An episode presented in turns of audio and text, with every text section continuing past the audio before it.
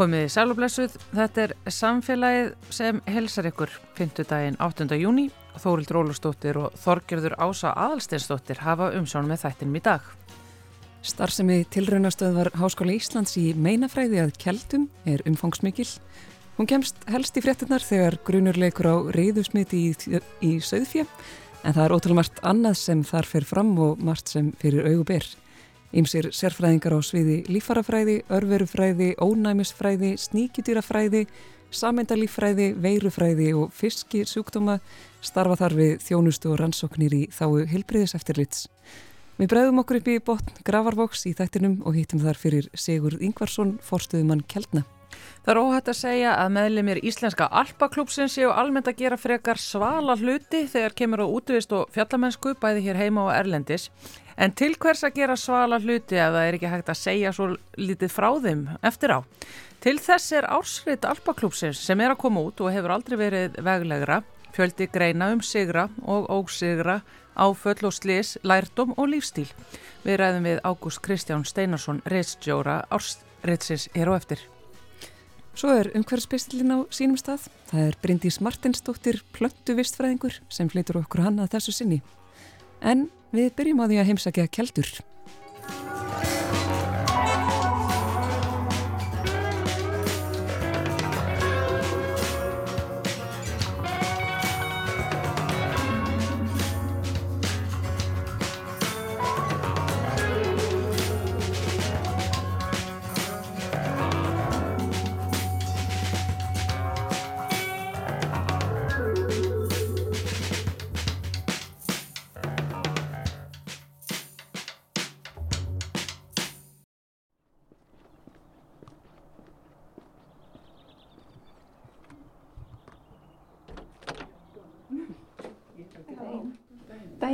Herra, ég hef búin að mæla mér mútið hann Sigurð. Já, maður sjá.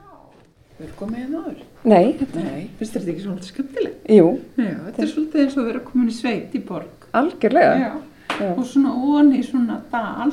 Já. Þetta er mjög skemmtilegt. Mjög notalegt. Það er mjög róand að vinna hérna, getur þér. Já. Ungverfið er ekki að trubla. Nei, ég trúi því. Ég ætla að koma og opna fyrir þér. Já. Takk. Þegar svo komum við bara hérna inn. Við erum bara hér. Og hér er Sigurður. Sigurður, hún er komin. Sigurður Ingvarsson, forstjóri. Þú varst að segja að þetta væri mjög sérhæft og þú þurftir að passa að tala á almennum nótum fyrir fólk eins og mig sem að veit svo gott sem ekkert um starfsmennar sem fer hér fram á keldum. Já, ég er fórstöðumadur hér á Tiljónastu Háskóli Íslands á meinafræð á Kjeldum og það er ég, þetta er mjög sérhaft starf. Við erum sem sagt háskólastofnun og vinnum hér að því að rannsaka dýrasjódóma og til þess þarf mjög sagt, öflug fræðasvið og sem eru mjög, mjög sérhað með tæki og tólum og þetta mjög hröð þróun í gangi í varðandi þessi teknimál. Það er þau eru afkasta meiri núna tækin og, og, og eru nótenda vætni og, og ráða við meiri, meiri hraða og greiningarhafni og slikt sko þannig að þetta er rauninni mjög sérhæft. Mm -hmm. Og af hverju þessi staðsetning hér í botni Gravarvoks? Þið hafi verið hér í rúf, já, síðan 1950, 48 eða hvað? Já, við erum um þetta að fagna 75 ára ammali í ár, þannig að starfsefinn er búin að vera hérna frá 1948 og það var talið mikilvægt að, að, að, að því það er dýrahald hérna að geta haft hér túnbæði til beitar og það var talið gott að þetta væri sem sagt rétt fyrir utan, utan Reykjavík. Við erum hlærum Reykjavík í dag, þetta var í Mósusfett þá. Ef við kannski bara byrja úti og þú segir mér aðeins frá dýrahaldinu þar. Já, ég já, ég skal gera það, bara gera það svo vel. Jæja, Jæja. þú varst að spyrja um dýrahaldið. Já, við kannski lýsum því hans sem já, fyrir augubyr. Já, já, hér. náttúrulega var hefðbundin búskapur fyrir hundrað árum og, og, og þar áður. Og hér sjáum við gamla Kjeldnabærin sem er byggður 1920, orðið meirinn 100 ára gammal og úti húsin voru, eru, eru, eru hér, hér högra með við, við Kjeldnabæin, hann er mjög sérstakur á þýletin, hann var er, er hlaðinn, þetta er tilhokkið grjót, þetta er alltaf á strísárunum og, var erfitt, erfitt með sement á þeim, þeim tíma. En síðan alltaf erum við með, eins og ég sagði, það búið að vera dýrahald hérna vegna rannsóknar síðan 1940 og eins og staðan er í dag þá erum við með, hér eru minnstu tilvunadýrin eru mís og stærstu tilvunadýrin eru, eru, eru hross og hér eru rúmlega 40 hross á, á keldum í dag og erum með eh, stort hestús hér sem, sem rýmur öll þessu hross og, og þau eru hérna á beit næstu því allt, allt árið koma hérna í hús fyrir, fyrir gamlóskvöld svo þau fælist nú ekki í sprengingunum sem eru, eru í gangi þá mm. og við erum með söðkindur hérna upp, upp á melnum, það er fjár, fjárhús þar. Hvað eru þið með margar kindur? Þetta eru, þetta eru svona eitthvað rúmlega 20 kindur og við fáum hérna lömp frá, frá aflött lömp hérna á hverju hver, hver hösti og þau eru nú notuð aðalega til þess að prófa, við framleiðum hérna bóluefni og viljum ekki senda bóluefnum úr húsinum að prófa þau vel og þetta er bóluefni gegn bakteríusjótumum í í söðfíu og við nótum þetta söðfíu til þess að, til þess að, sagt, að prófa bóluefnin og svo orðu svona notuð ymsar, ymsar aðra rannsóknir, svona pre, klíniska rannsóknir áður en að þeir farið yfir í rannsóknir á, á, á mönnum. Einmitt. En fara þessar kindur svo í sláturhús eftir að starfi þeirra er lokið hér eða hvernig, hver, hvernig er svona, hver eru örlög kindana sem búa hér? Já, já, það er eins og þeim allir lofað. Það er, það er, það er, það er enda þannig og ef það er eitthvað aðgerðir í gangi þá eru þau náttúrulega bara svaf því eftir, eftir aðgerðina. En það er ekki þannig að það með ekki nýta afverðina af þessum kindum? Eða? Nei, það er ekki smittelunum sem er í gangi hérna núna en það voru hérna lengi vel eh, smittelunum í kindum. Það er Guðmjöl Saga, við erum búin að vera að vinna hérna alla tíð með mæði vissnuveru og einognarsleifarnir er hérna þriðja hús hérna frá, frá vinstir sem var eins og verðum að horfa, horfa núna. Og, og þar voru framkvæmda smittelunir í varandi mæði, mæði vissnuveruna En það er náttúrulega fleiri húsakinni hérna. Hérna byndurir framann okkur er hús sem að það er krupningstofa hérna í neðri vinstri hlutanum og, og síðan er, er smátýrahald hérna í efri hlutanum, aðalega mís.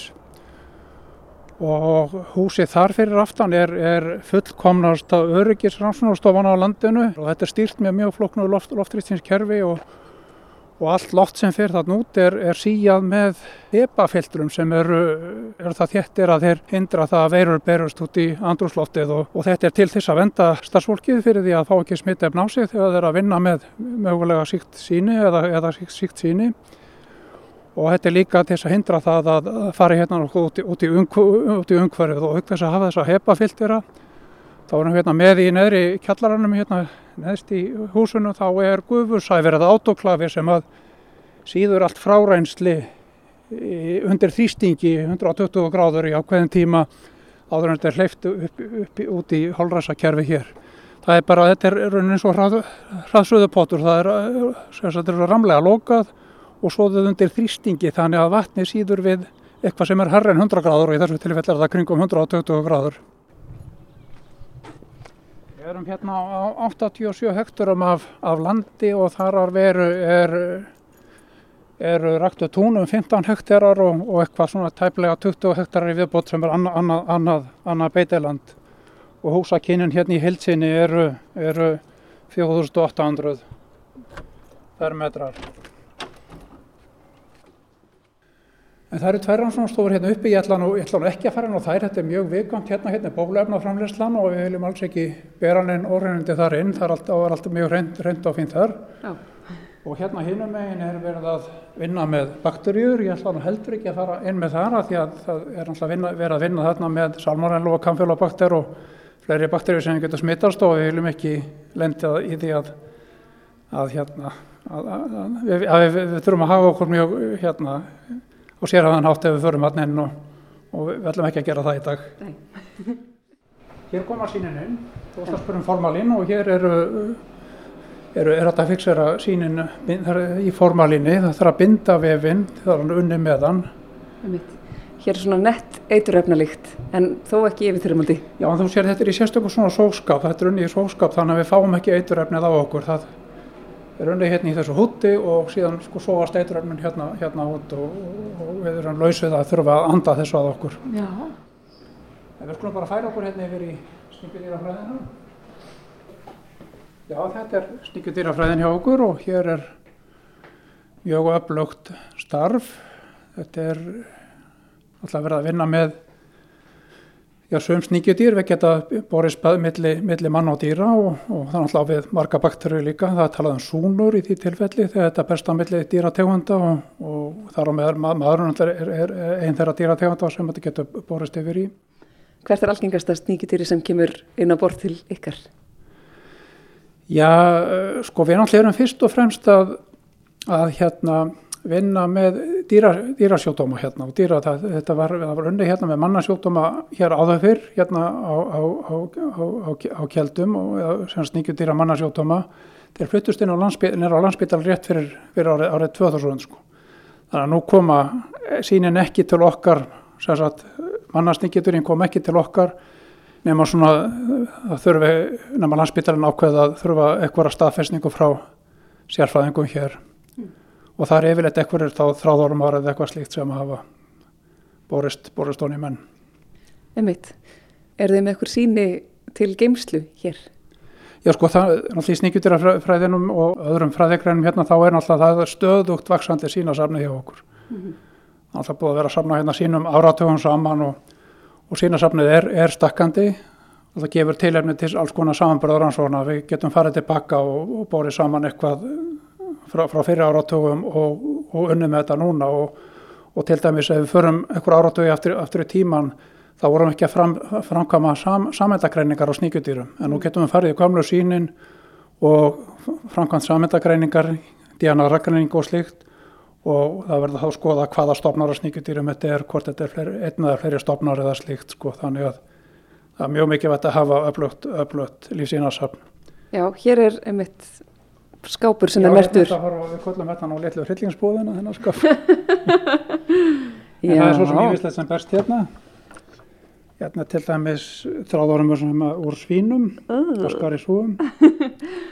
Þetta er sannst uh, eh, glerflaska með brúnleitum vökva og einhvers konar ormum, e, ekki þetta bara einn ormur, þetta er ekki margir? Nei, þetta eru margir, já, það getur verið ímislegt í kangi. Já, og þetta eru þá ormar sem eru í meldingarvegi svína eða? Já, já, já, já og þetta getur líka verið, það er ímislegt hérna sem er ytru og vara líka sko sem eru mítlar og, og lís og, og hlera sko. Hérna til dæmis sérstök síni úr, sko, hérna til dæmis síni úr ljónum sem að koma hérna frá satýrasafnunum meðan þau voru, meðan að satýrasafni var starrat hérna fyrir einhverjum ára, áratögun síðan. En það var nú, ég nú ekki, ekki, ekki, ekki þeirri sína tökur sjálfur, það voru aðrir í því. Og hér er lítil skuffa sem er tilenguð þessu ljóni, hvaða síni eru þar? Já, hérna til dæmis Toxocaris leonina, þetta er, er sem sagt tekið 1976, sætirasafnið í Hafnafyrði og þetta eru sem sagt eins og sér litlir, litlir þrá, þráðarmar. Mm. Er það þá veiki eða er þetta eitthvað sem er eðlilegt eða er þetta frávik? Nei, þetta er, þetta, sko, ég hef sumt að þessu sem er hérna er, er rauninni bara eðlilegt en, en, en Eh, það getur verið einhvern tilfellin að þetta sé fráveg og, og veldur talsverðin sjódómsvenkjönum sko. mm -hmm. en flest sníkjudýr eru búin að lifa svona þróunafræðilega séð með, með dýrum mjög lengi og er ekki alltaf endilega að valda, valda miklu mengjönum en, en þau geta valdið drastísku mengjönum líka þannig að það er raunin allur, allur skalin á því Einmitt. Það hendar auðvitað sníkjudýrinu betur að trubla ekki hísilinn svo að það geti lifað áfram Já, það er alveg rétt, það er náttúrulega, þú vilt ekki brenna ofan aður húsi, þú vilt, vilt hafa lífsveðu verið, en svo náttúrulega sníkjutýr eru, eru með mjög flókin lífs, lífsferil mm. og geta haft marga, sko, marga hísla og, og, og, og auka þannig lífs, lífsveðu verið sitt og geta borist á milli, milli tegvanda og slíkt sko. Mm. Ef ég fæ bara að lesa aðeins hérna á þessar skúfur, þá eru er hérna tvær efstu skúfurnar, það stendur menn og segja hann er fyrir neðan vatnafiskar, ljón eins og við komum inn á, mingar, reyndir, revir, sjávarfiskar, kvalir, selir, næðir, hestar, söðfje, ímislegt, frít leifandi, blóðsugur, svín, nöytgripir, hænsni, villifuglar, hundar, kettir og refur hérna neðst og önnur. En þetta er þessi ekkinokokkus granulósis, þetta er kindalifur með, með, með sulli, þetta er sníkjutýr sem maður getur eða uh, eða var alvarleg, alvarleg sjúkdómur hér í mönnum fyrir Já, þetta er mjög ógæstlegt. Þetta er semst leifur hér í fljótandi í grænum vökva og með tveimur stórum blöðurum á sem eru vantilega einkenni sullaveiki. Og hér er, myndi ég nú telja að væri frávik, svo að spurjum frávik, hér er spóluormar úr fól, fól, fólaldi frá 1993 og þetta allir nú, þú sér þetta það mikið magna þetta allir nú talsverða mennkjönum í viðkomandi fó- fólaldi. Já, hvað myndir þú gíska að vera mörg grömm? Hvað er þetta margir ormar? Já. Ég, já, ég mér sýnist að skipta hundruðum hérna og þeir eru talsverð stórri en svo sér sko. Já, þetta er eins og allavega skamtur fyrir tvo af einhverjum núðlurétti. Já, En ekki, það, Og- þægilega samanbörður. og maður fer hálfpartina tilfin á tilfinninguna að ef þú myndir opna þetta þá væri ennþá eitthvað svona eyðandi líf í þessu þrátt fyrir þeir séu 30 ára gamlir þessir ormar. Já, en þeir, þeir eru varðveittir í þannig vöku að þeir, þeir eru ekki, ekki lifandi sko, og þeir lifa ekki utan, utan skepnuna þessar ormar. Nei.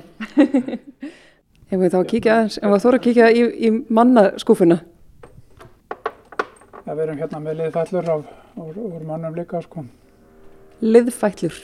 Já, það eru, það eru svona skortýrin. Já. Það eru liðir á fótónum, þannig að það er, Það er þá eins og lús.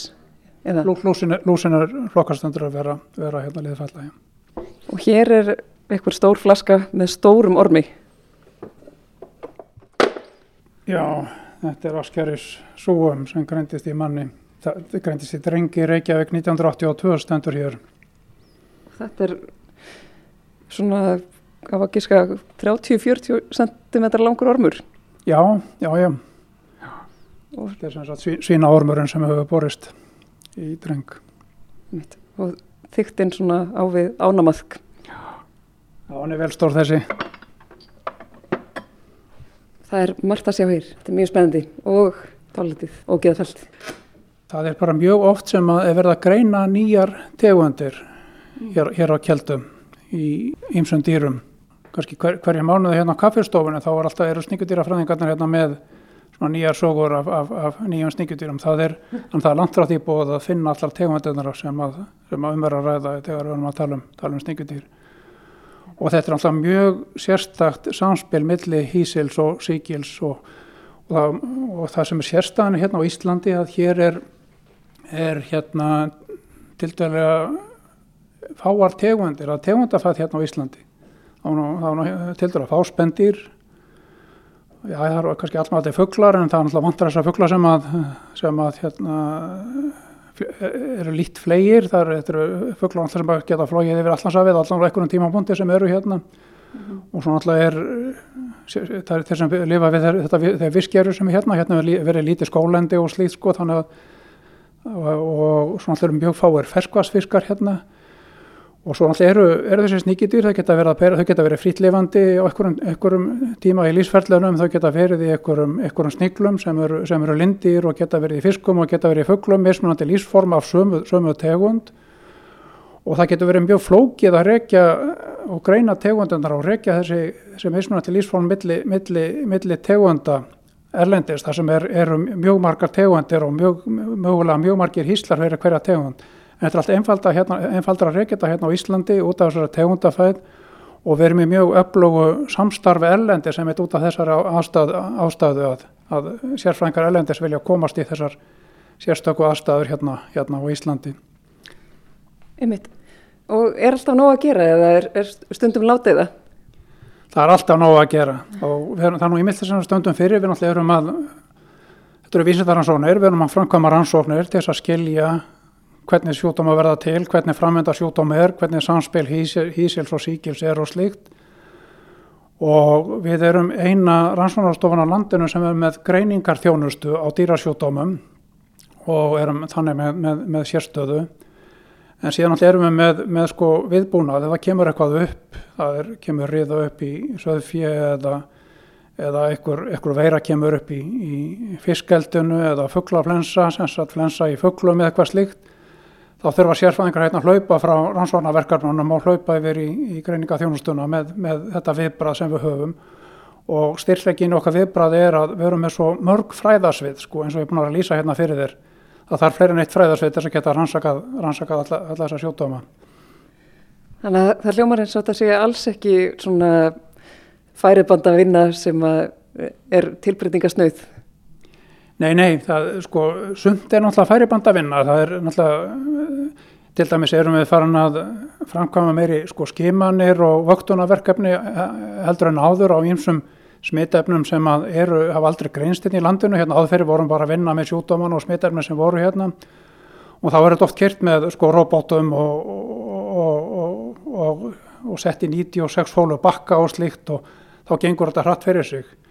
En síðan geta komið hérna bara sérstök tilfelli, eitthvað sjúkdómar í hrossum eins og komið bakteríusjúkdómar hérna í, fyrra hösti í, hrossum og þá hlaupa allir sérfræðinga frá sínum, sínum rannsvonarverkarnum og eru hérna fyrir haus bara kannski einhverja vikur að reyna að greina hvað þetta er og þá voru all fræðasveiðin sett á stað sko.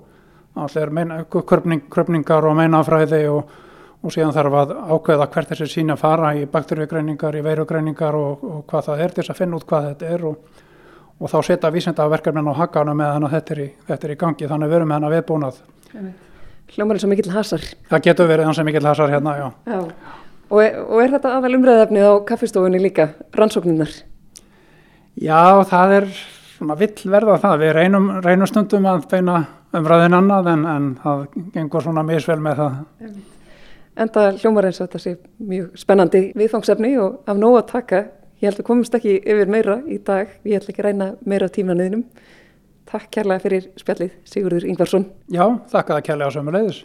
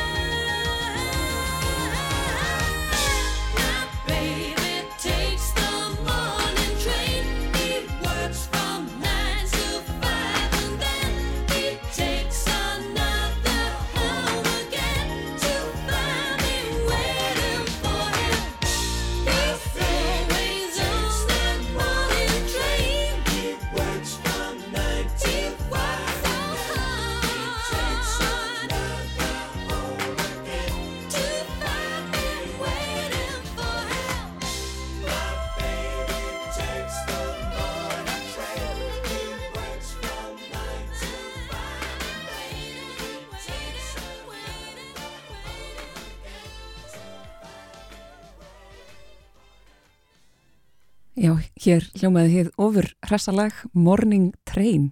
Þetta er brestlag frá nýjunda áratugnum sem lýsir svona ansi hefbundnum kynja hlutverkum í gagginnuðu sambandi. Fjallarum konu sem er heima allan daginn að býða eftir að maðurinn hennar komi heim úr vinnunni og bjóðin út að borða og í bíó. Já. En ykkur að luta vegna þá kom þetta lag til mín í gerðmorgun. Ég er með svona plötusnúða heila sem að bara ef það kemur þögn þá hérna, fer heilin minn að spila eitthvað lag sem getur verið allt frá hraustir menn yfir í eitthvað svona, yfir í eitthvað allt annað.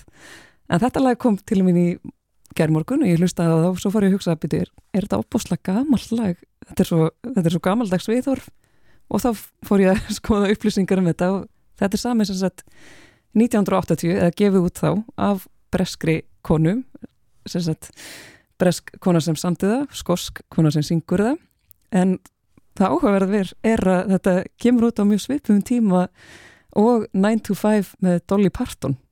Þetta lag kom fyrst út í Breitlandi og svo þegar það var gefið út í Bandaríkjunum nokkru mánuðin setna, þá var 9 to 5 með Dolly Parton komið út. Þannig að titlinum var breytt í Morning Train innan svega 9 to 5 en þetta er hétt sem sagt uppröndilega sama nafni en þetta er svona tvö mjög ólík Mjög ólík lög. Já, að því hitt fjallar um konu sem er algjörlega þræll kapitalismans og þarf að vinna allan daginn til að eiga í sig og á. Skemmtilegt lag. Það er hægt að hafa verri lög á heilanum. Já, þetta er, þetta er hressilegt. Áfram heldur við í samfélaginu.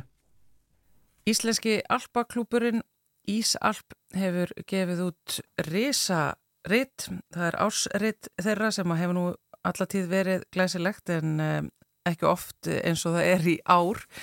Hann er sestur hjá mér Ágúst Kristján Steinarsson uh, sem er reitstjóri. Sælverstu. Blessið, takk fyrir.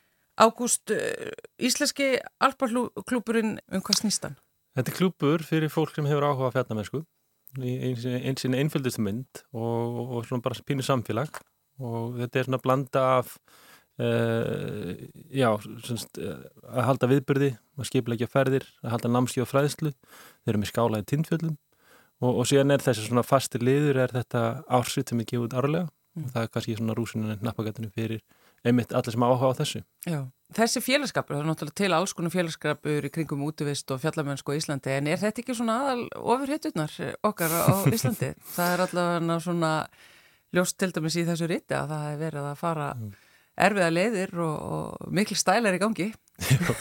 Þeir eru þarna líka, við erum kannski einu að leggja áslega þetta er ekki bara fyrir þá, þeir eru fyrir allir sem hafa áhuga á þessu. Já. og, og, og einmitt var þetta ásvitið við erum svona að leggja áslega á það að það sé fyrir fleiri, þetta er ekki bara fyrir harkjalla ísklirarana sem borða klakakurli í morgumat hérna, þeir eru til. þeir eru til, klálega sko. En, en hérna, sjálfur hef ég meira gaman af skemmtulegum sugum og við leðum svolítið átlað þar. Já, e, það er mitt sko það að færa útvist yfir í, í mál og myndir, e, það, mm. er, það, er, það er alveg pínu flókið sko að gera eitthvað eins og stórfenglega náttúru og fólki sem að sækir hana heim mm. aðgengilegt fyrir fólk sem að flettir blaði heima í stofu hjá sér. Mikið rétt, en lukkulega hefur ljósmyndir, það er hjálpa.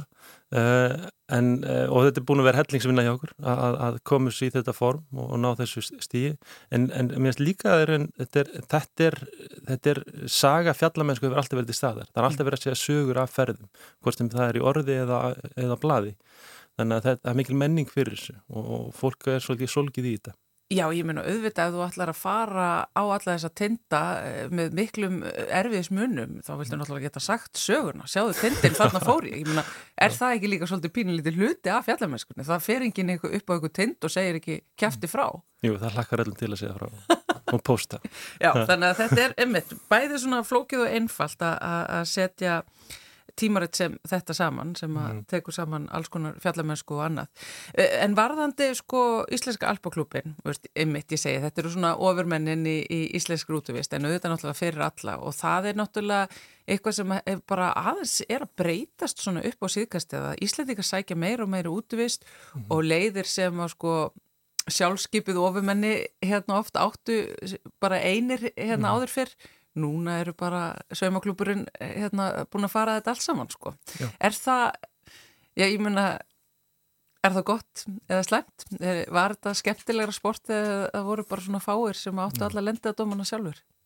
Mér finnst það gott, það er eflust mismundi skoðunar á því en uh, sko Ísland er svo stórt og Ísland er með svo mikið af æfinturum sem upp á að bjóða og ennþá er þetta þannig að maður er bara einn að leika sér þar sem maður fyrr þannig að er, á meðan það er pláss þá er þetta klárlega ekki vandamál uh, þetta er meira vandamál út í heimi sko þar sem að þú er bara mætir og, og mætir byðröð til þess að koma að stað Já, ég minna svo bara myndirnar frá Mount Everest sína Já. sko það er eitthvað ekki, ekki mikið reysn yfir þeirri fjallamennsku finnst mann kannski. Já og, og það er þetta eh, alls ekki allir sem sækja þánga það þeir eru að sækja eitthvað allt annað en, en, en það að toppa. Mm -hmm. Það er svona svo mismundi kvatir á bakvið þetta. Sérhæfing Íslenska Alpaklúsins, þið eruð eh, svona samt sem á sko, þó að þið gera alls konar þetta sé fyrir alla, þá eruð þið nú ekki beilinnis að sérhæfa ykkur í gungutúrum á jafnsléttu. Þetta er, eh, þetta eru tindar, þetta eru fjöll, þetta eru jökull og, og ís er það ekki svona svolítið? Jú, háfjallamennska, ísklifur fjallaskiði, klettaklifur og einmitt að fara á jökla og svona, svona stærri leiðangar, það er svona kannski svona, það er það sem við erum að einblýna á í þessum hóp. Já, sem að náttúrulega eru aðstæður sem oftar en ekki skila bestu sögunum Já. af því að þetta eru Ég meina þetta er æfintýra mennska og, og, og, og einhverju tilvöldin líka náttúrulega svolítið áhættu sport þannig að, að allt getur gerst og eflust gerist það flest eins og segir í Já. poplæginu. Förum þá bara í þetta frábæra blað eh, þú sagðið einmitt á, á þann að myndirnar hjálpa og það er sko því að við ákveðum að leifa bara myndunum að vera risastórum og njóta sín þannig að sko eh, lesandin getur séð vel hvað er verið að fjalla um mm -hmm. og hvað er verið að vísa í það er ábyrjandi við þetta blað að, að hérna, jú, þetta eru svona sögur að alls konar hetumönsku en, en það er það er verið að segja líka sögur að þið þegar uh, það stóð tæft og, og stundu þegar fór ítla það er, það er ákveðin svona rauð þráður af mörguleiti í þessu bladi? Já líka, þetta er þetta 20 greinar þannig að það er líka bara gleðigreinar og, og þessum ykkur er að, eða hópur vinna er að leika sér um Evrópu og klifur út um allt og þannig að það er líka það, en Já. við erum líka farin alveg út í það dýfsta um, um bara það sem er banaslýs í snjóflóði, Já. þannig að við erum að reyna að taka allan skalan uh, og, og emitt til þess að reyna að taka lærdom af og, og stuðla ykkur örygja fjöllum. Súgrein sem þú vorust að vísa í varðandi barnasleysi í snjóflóðunni í Núri sem að hérna, Daniel uh, veðfræðingur og veðstofu skrifar mm -hmm. uh, og er gerir það miklu svona heðalega þeir, þeir eru þarna fimm félagarnir og, og eitt er að deyri í snjóflóði um, fyrir hann að skrifa svona grein og byrta, er það, er það hluti af einhvers konar úrvinnslu eftir að hafa lendið svona ræðileg slísi? Alveg klárlega og hann hefur verið rosalega dugli bæði að halda fyrirlistra á og segja frá viðtölum og, og, og hjá okkur og, og, og bara frábært að hann skuli gera þetta og hann, hann gerir þetta mjög ítalega og við þurftum síðan að meðhendla þetta mjög varlega mm -hmm. þannig að já, það, hvort sem það er áfull á fullum eða áfull í lífinni, það er rosalega mikilvægt að, að, að vinna úr henni og segja frá henni og segja ekki gera sem oftast til að reynsa til í, í sálinni mm -hmm. og af því hann, hann gerir þetta, hann greinir þetta bara, ja. hvað hvað hefðu mátt betur fara, hvað hefðu átt að gera öðruvísi og, og, og svo er hann bara með lærdómur mm -hmm. af þessari örlega ríku ferð bara í nokkru punktum. Maður læri rosalega mikið á því að lesa þetta. Hérna eru atriði sem að einhvern veginn maður hafði aldrei hugsað út í sko þegar kemur að fjalla með sko. Algjörlega og, og kannski fyrsta er svona kannski þetta högg í magan bara ok, þetta hef, hefði alveg skilt árið ég. Það er svo margi sem er að leika sér fjöllum og er í fjallaskýðum og allt þetta. Já. þetta er fagum maður í snjóflöðum hann, hann, hann er sérfræðingur í þessu og hópurinn er raunin það líka og hann lendir í þessu Þannig að það er eitt og síðan er líka hitt að, eins og þú segir að draga fram lærdóminn sem að tekur halgila með sér sko, og svona litli hluti bara eins og gamli bakbókar maður er að hugsa út í það. Já, já. Og einmitt, þetta er svona áminningu um að þetta er, þetta er Þetta er líka hættulegt sport.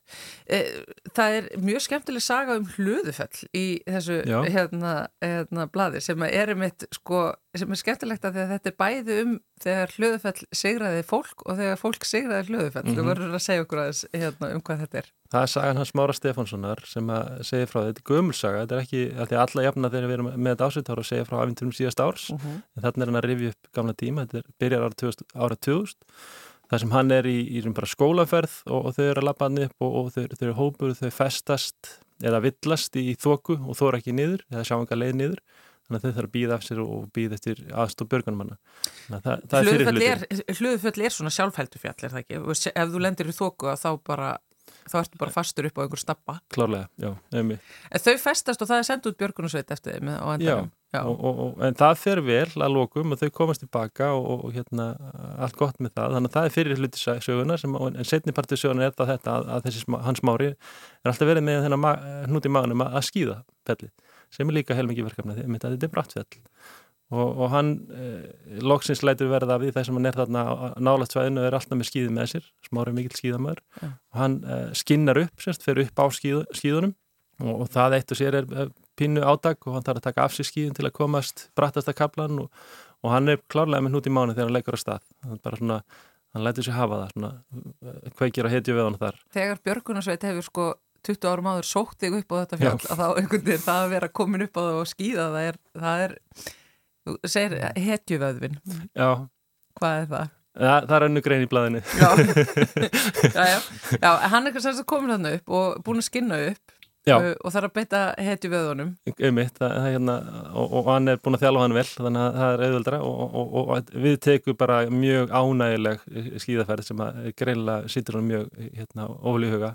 Uh, og hann kemst niður og allt gengur vel og hann er líklega svisti með til þess að skíða þetta fjall.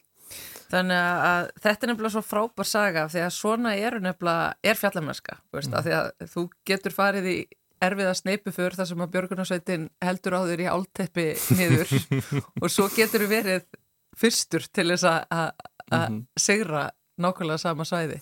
Og, og raun eini munin þarna voru aðstæður. Já, en, en svo líka náttúrulega e, e, þjálfun hetjuvöðvans svo kallaða sem að er e, nýtt orð yfir, sem að ég held að þetta er eitthvað bara frá ykkur í Ísalp. Já, ég sko bara ekki hérna, þetta kemur frá mér, þetta er grein frá mér í blæðinu og, og, og það er um þetta þessi hæfni heilans til þess aðlægast aðstæðum og við sem búum í borg, við, við þjálfum ekki þennan hæfileika að vera hetjur mm -hmm. þannig því meira sem gerum að ykkur því betur verður í því og, og, og, og það er með þessi hérna, nýja klifveggur í Garðabæna sem er leiðsluveggur, er á hár Já. og maður getur eftir honum að gegnum all árið og þá er maður að viðhalda hæfni hetjuheilans Þetta er sem sagt bara, veist, eins og þessi vekkur sem þú vart að vísa í, það, veist, að, þetta er erfitt fyrir loftarætta en að þú ferð aftur og aftur og aftur og þá kemst þið yfir loftaræðsluna. Og það sem gerist gerðan og maður segir ofta þegar maður fer í ísklifur í byrjun, eh, svona januar, eh, desember januar, að það er maður að skrúa hausin á sig. Þannig að það er svona að komast yfir þennan hjall, það er alltaf ákveðin hjall að komast yfir. Uh, og þegar maður er komin yfir þá líður maður bara vel, en fyrsta ferði, fyrstu tvær er bara fyrir óþægilegar, fyrir marga. Þannig að bara hluti af sportinu er að vera pínulítið hættur. Já, það er klálega hlut að því. Það er sjálfsagt mál að verða hrættur en það sem maður getur gert með því að viðhalda þessum hetjuva, eins og kallaða, að þá, þá lendur maður síður í þeirri aðstöður og, og, og í mínu tilfelli eftir að þessi klifuveikur í miðgari kom þá verði ég minna hrættur. Hetjuviðu minn er bara í formi. Já. Uh, sem er náttúrulega frábært að því að það er, það er náttúrulega svona e, í svona áhættisporti að þá þarf maður að þjála þann vöðva eins og alla aðra. Það, það, maður þarf að vera í góðu formi og maður þarf að vera með góða búnað þú veist, maður hendir sér ekki inn í þetta sporti eitthvað svona ófórvarandis, þetta er ákveðin þetta er brekka í öllum skilningi. Já, og þetta er líkamlegt hristi heilarhristi og, og svo er þetta hérna, fært og kunnata á búnaður. Já, sko að þú talar um ísklifrið og það er náttúrulega hérna sko af eiginlega allir útvist og fjallamennsku á Íslandi þá er það mjög svona sérhaft og, og, og, og skrítið mm. sport og ekki mjög svona aðgengilegt og auðsótt að fara í og yfirleitt byrjar enginn þar, það er yfirleitt alltaf lengra mm. komnir sem að enda í ísklefri um, og það hefur náttúrulega verið eh, svona eh, mikið tekið þarna hjá okkur í Ísalp eh, útskjöru bara fyrir fólki sem er að koma alveg kallt að þessu byndu, hvað meinaru þegar við erum að tala um ísklefur, hvað mm. er ísklefur? Þá erum við bara að tala um frostnafossa sem já, bara halda fram. Þú ert að tala um frostnafossa, já. Bara, og, og helst er það fossa sem er ekki svo vasmiklir, sem að þá er svona róletinn stöðut flæði og þeir svona bunkast upp og þeir eru bara glettilega öryggir. Þannig séð, sko. Þannig, þannig að það er þannig, Ágúst að þú ert að klifra upp frosenfoss Já, já. Uh, og, og það er eftirsóknarvert af því að Það er mjög góð spurning, ég hef ekki alveg svar við því. En hérna ég, ég get sagt að æsklifur er mitt uppáhalds sport af þessu og, og það er bara, það er, rauninni er eitthvað blanda af vetri uh, útvist uh, góði félagskapur og þessi áskorun sem fælst í að vera fast við þennan foss sem er alltaf nýr. Það er ólít klettunum, þá ef þú klifir leinalega einu sinni þá er hann alltaf eins en þú kemur að nýjum foss og hann er alltaf öðru sí jafnveg kemur degi eftir eða viku eftir þannig er nýr og, og, og, og kannski svolítið skemmtilega í Íslandi það er svo mikið fossum og við erum svolítið eldast við nýja fossa sem engin annar hefur klifið og það, þetta er svona ákveðin svona ævintýraferð fyrir mm. vikið. En sko að þú sagðir að þetta væri veist, merkilega örugt, hvernig má það vera? Því að vatn er lifandi, það er flæðandi, Já. þó að það sé frost í þessu, þá er þetta, þá er þetta foss alltaf Já. undir ísnum og jáfnveil eitthvað að setja leiðunum, eru þið að klifra bara í rennandi vatni? Ekki alveg, en við, maður, maður fer þar sem að fossin er stettir og stöður, maður sækir minna í þetta þar sem er mikið vassarrensli að eitthvað stað, þannig að ég segi, þannig að það sem er minna rensli því betra. Uh, það er búið að gera prófanir á þessu og, og, og, og átagsprófanir og þeir, svona, góður ís, hann heldur rosalega miklu. Uh, einn ískróa getur haldið einhvern túsund kílóðum pluss. Þannig að þetta er alveg nokkuð gott, en við klifrum aldrei umfram getu, það er svona almenna reglan, við, við viljum ekki detta ískrófu og við erum mjög vandvirk í þessu klifur að, að, að, hérna, að komast upp á hana áfalla. Já, og þetta er þá, veist, fyrir þetta náttúrulega að fossar eru síbreytilegir og skemmtilegir, þá er þetta, hérna, þá er, eru það að nota svona sveipu tæki, veist, skrúfið inn í, inn í ísinn og festið ykkur á með karabínum og það eruð í, eruð í belti og, og bandi og öllu þessu sem maður sér hérna, klifrar að vera í. All, Allt sama, sama grunn hugsun eins og í klettaklifri. Þú ert með línu, þú ert með tvista, þú ert með eitthvað akkari sem er þá ískrúan sem maður setur upp. Og, og, og þú ert að leiða, þannig að það er ákveðin áætta sem er í þessu að þú ert að leiða upp fyrir akkari, þannig að þú dettur þá dettur þú niður fyrir akkari já, já. og það getur alveg verið ákveðin svegalind og þá, þá er maður eitt þessar augrun og maður er svona að, að leika sér aðeins en, en hérna aftur við, við, við, en maður finnur bara ok, ég er ekki alveg að ráða við þetta þá bara stoppa maður, maður sittur einn skrúu kvíli sig, býður aðeins, jafnvel gefst upp. Eh, það er svona, það, það, það er rétta í þessu, eins og þetta mismyndi hvað fólk gerir. Já, já þetta er svona, eh, eins og er mandarinn allir fjallamennsku, eða þið lýri ekki alveg vel og eitthvað svona, eða þú ert órugur þá, veist, það er ekkert að því að snúi við, ja. aldrei hérna uh, vera í einhverju oflæti mm -hmm. í, mhm. í áhættusporti. Nákvæmlega. Já, sko, uh, varðandi þetta með ísklifrið, um, af því að þetta er náttúrulega frábæra aðstæður til þess aðarna hér á Íslandi og ég mhm. veit að það kom, kemur fólk allstaðar á heiminum til þess að, að klifra með ykkur og, og, og mhm. góðum ísklifrurum hér á Íslandi. En þetta er hins vegar, já, umhverfis áhrif og veður hafa hérna, sett ákveðin svona högg á, á þetta sport. Ég sé ja. sko að það, það er hérna, félagar eitthvað fyrir norðan e, áttu erfitt. Já, já, já. Að, en, en þó var samtlun gott það líka. Um, Já, ég, ég tök þetta heilsugur undir það að þetta er vandamál og til einhver tíma litið en, en síðasti viti var góður. Uh, almennt er viði frá Íslandi sem við öll þekkjum rosalega ófyrirsjónlegt og óstabilt og, og, og það er alltaf að breytast þannig að við vitum aldrei hvað þetta endar eða hvernig næsta veika verður.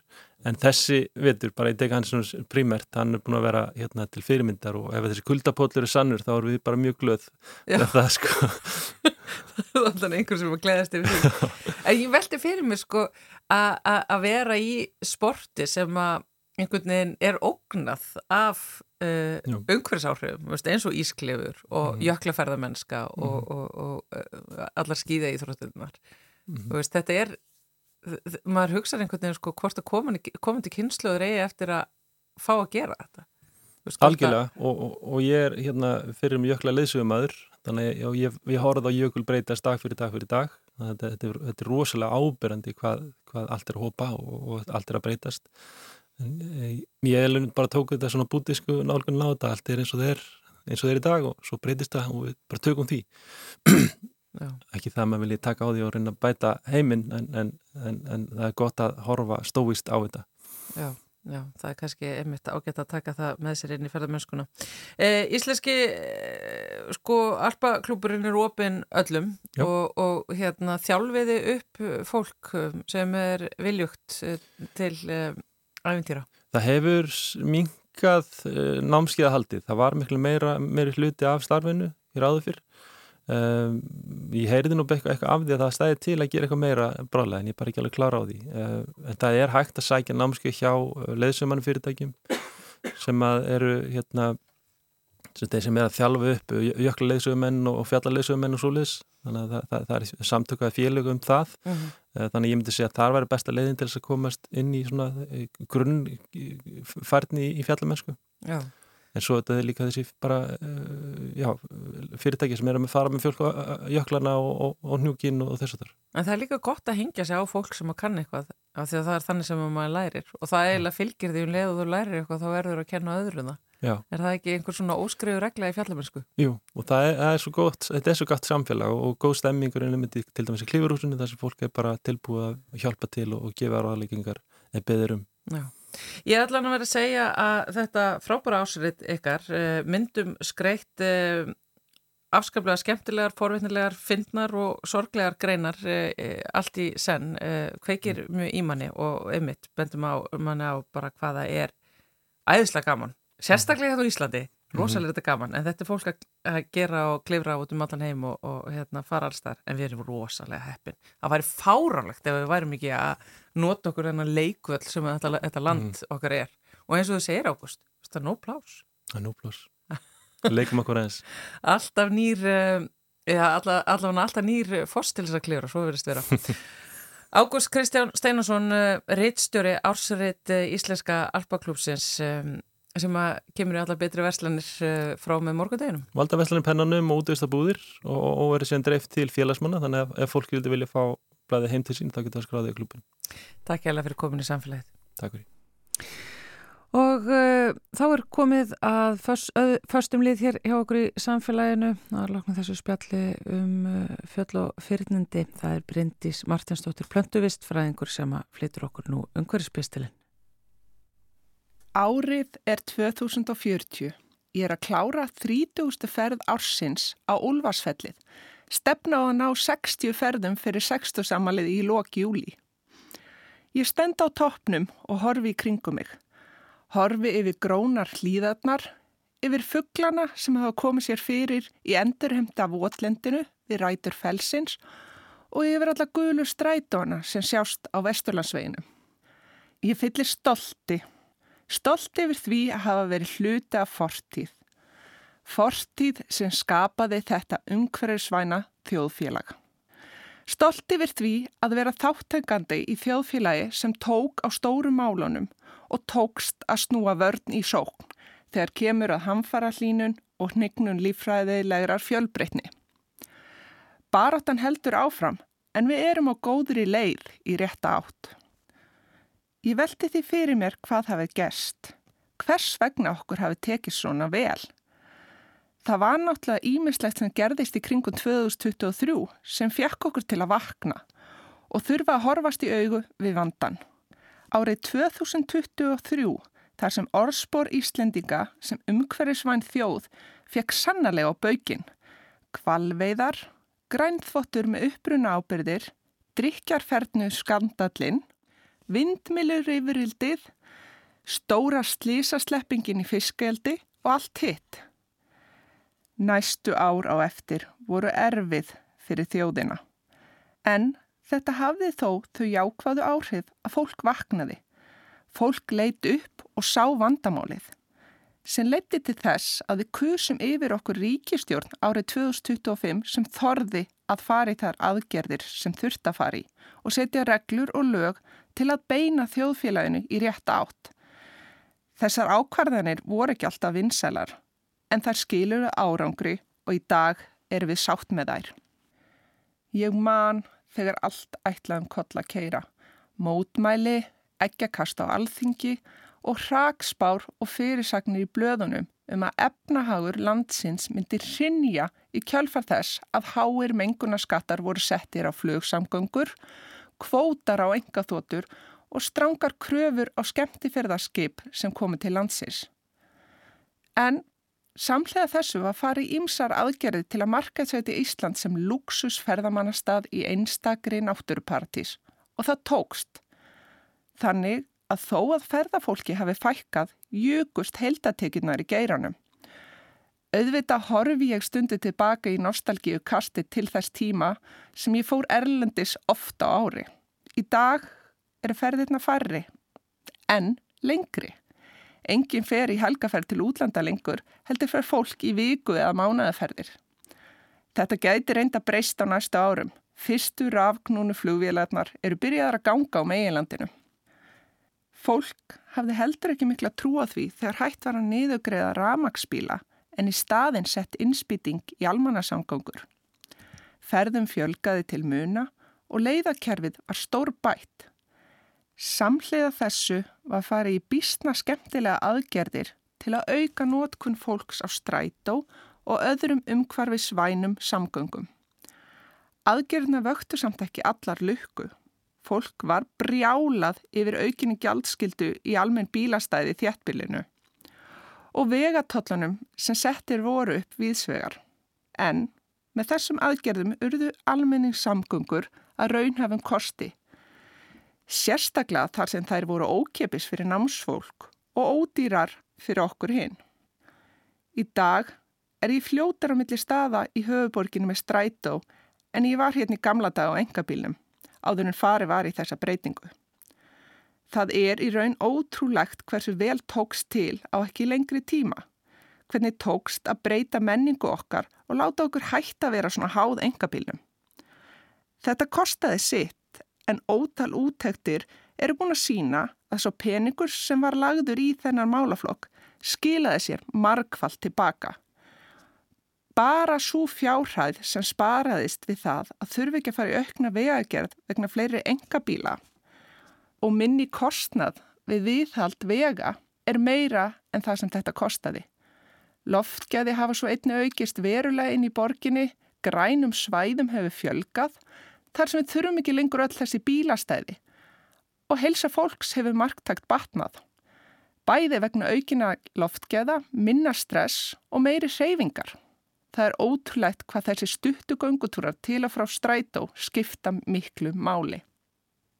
Það er einni ótrúlegt að sjá hvernig neyslu minnstur Íslendika hefur breyst. Ríkið fór í alls konar aðgerið til að dragu neyslu, lækkuðu skatt á viðgerðum og gerðu búðir skildar að bjóðu upp á viðgerðir á þeim vörum sem þau seldu. Samlega því var líka farið aðgerið til að gera mataraði Íslendika umhverfisvætna. Neysla á rauðu kjöti er aðeins einn þriði af því sem það var fyrir 15 árum og hlutfall innlendrar framleiðslu í matarköru fólks hefur stór aukist. Fólk vill helst borða það sem er framleitt nálagt heim. Það vill vita hvaðan varan kemur. Síðan var snild þegar komin var krafa um að matvæli varu mert með umhverfisfótspori sínu. Það var mikið sjokk fyrir suma að sjá hvað neysla þeirra hafðist mikil slæm áhrif á umhverfið. Það sem skiptir svo kannski ekki síður máli er að við nýtum matin líka betur, sem bæði betra fyrir umhverfið og verskið. Þegar ég byrja að skokka niður fellið aftur, dáist ég að útsýnunu, fallegri nátturu landsins, nátturu sem við vorum næstum því búin að glata. Hugsa til þess þegar að óheftur ströymi ferðafólks var farin að skada náttúruna og öll þau virkina áform sem næstum fóri gegn. Jú, við erum alveg að virkja í dag og tekjur að ferðafólki hafa aldrei verið meiri, en það sem hefur breyst er að í dag er ferðamennska og orkunýkting gerð á forsendum náttúrunar. Í dag myndi engum einu sinni dætt í hug að nefna það að fara að virkja nálagt náttúruperlum eins og þjóssoverum eða við ernunum okkar. Ég dáist að stíknum sem ég hleyp eftir, dáist að því hversu vel hefur tekist að samena útivist og náttúruvend.